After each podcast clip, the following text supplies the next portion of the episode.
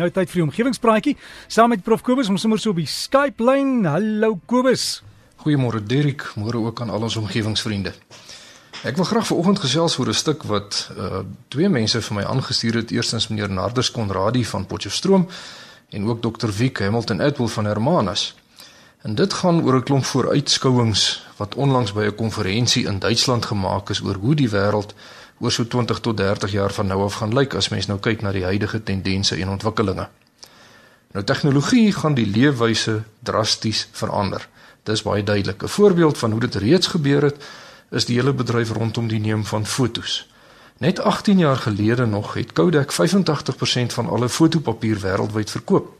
Maar net 3 jaar later het die maatskappy byna bankrot gespeel omdat digitale kameras eenvoudig oorgeneem het. Nou digitale kameras is egter reeds in 1975 uitgevind. So dit het 'n hele paar jaar geneem voordat die wêreld hierdie nuwe tegnologie aanvaar het. Maar toe dit eers vlam vat, toe is dit 'n kwessie van net 3 jaar en van toe af is die fotografiebedryf digitaal. Nou hierdie voorbeeld is tekenend van die 4de industriële revolusie wat ook bekend staan as die tydperk van eksponensiële groei. En die konsensus is dat die rekenaartegnologie alle aspekte van ons lewe drasties gaan beïnvloed. En hierdie invloed begin stadig, maar dan groei dit eksponensieel sodat dramatiese globale veranderinge dan binne slegs enkele jare plaasvind. Nou dit gee aanleiding tot 'n heel nuwe manier van dink. En 'n voorbeeld daarvan is die bekende Uber huurmotormaatskappy wat eintlik maar slegs 'n stuk rekenaarprogrammatuur is wat geen motors besit nie. Maar Uber is nou die grootste taksi maatskappy in die wêreld al besit hulle geen motors nie.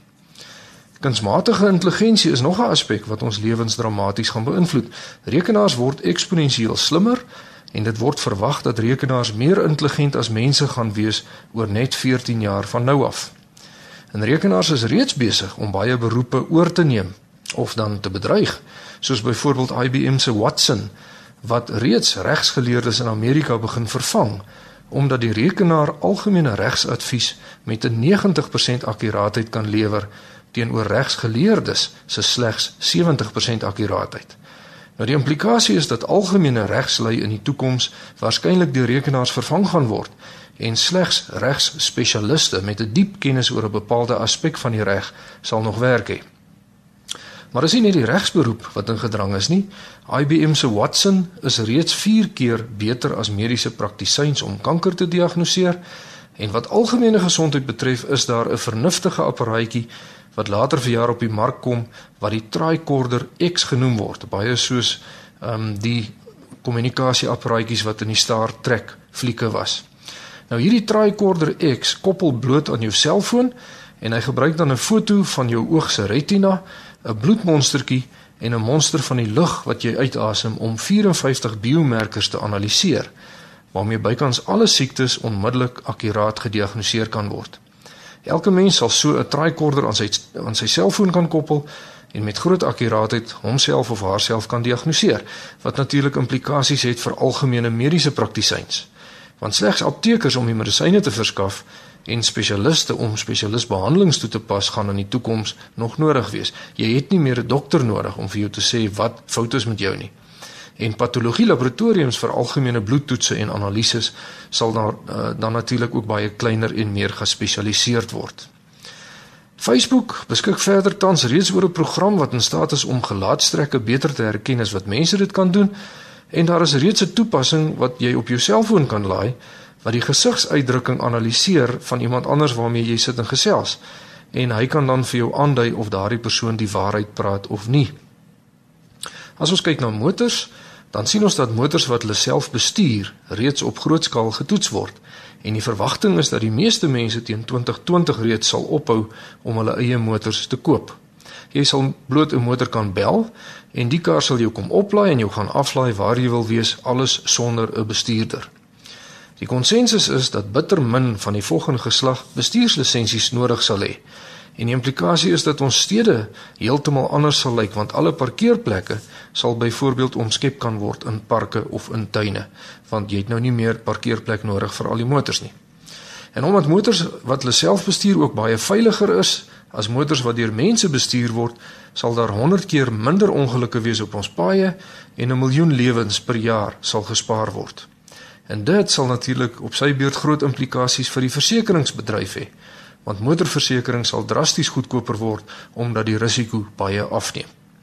Elektriese motors sal algemeen wees teen 2020. En dit sal ook tot gevolg hê dat die stede baie skoner en stiller sal word.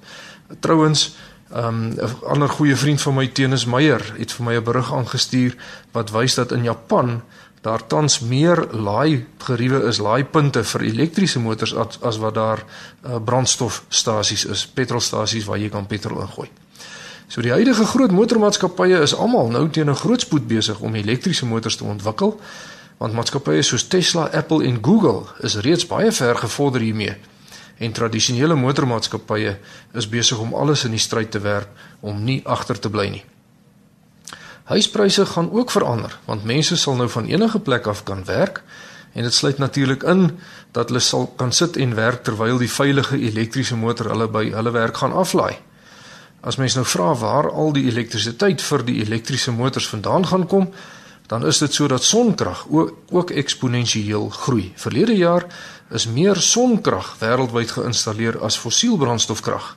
En die verwagting is dat sonkrag so goedkoop gaan word dat die meeste steenkoolmyne gesluit sal wees oor so 10 jaar van nou af. Hier in Suid-Afrika sal dit waarskynlik so bietjie langer neem, maar ons is ook op daardie pad. As ons kyk na water, dan is dit so dat goedkoop en skoon elektrisiteit vir ons goedkoop en skoon water kan lewer. Ontsouting word al hoe goedkoper omdat die tegnologie al hoe beter word met die gevolg dat water skaars is, binnekort iets van die verlede kan wees omdat die massiewe volume seewater tot ons beskikking sal wees om te gebruik. Nog 'n tegnologie wat eksponensieel groei en wat ons lewens heeltemal gaan verander is 3D drukwerk.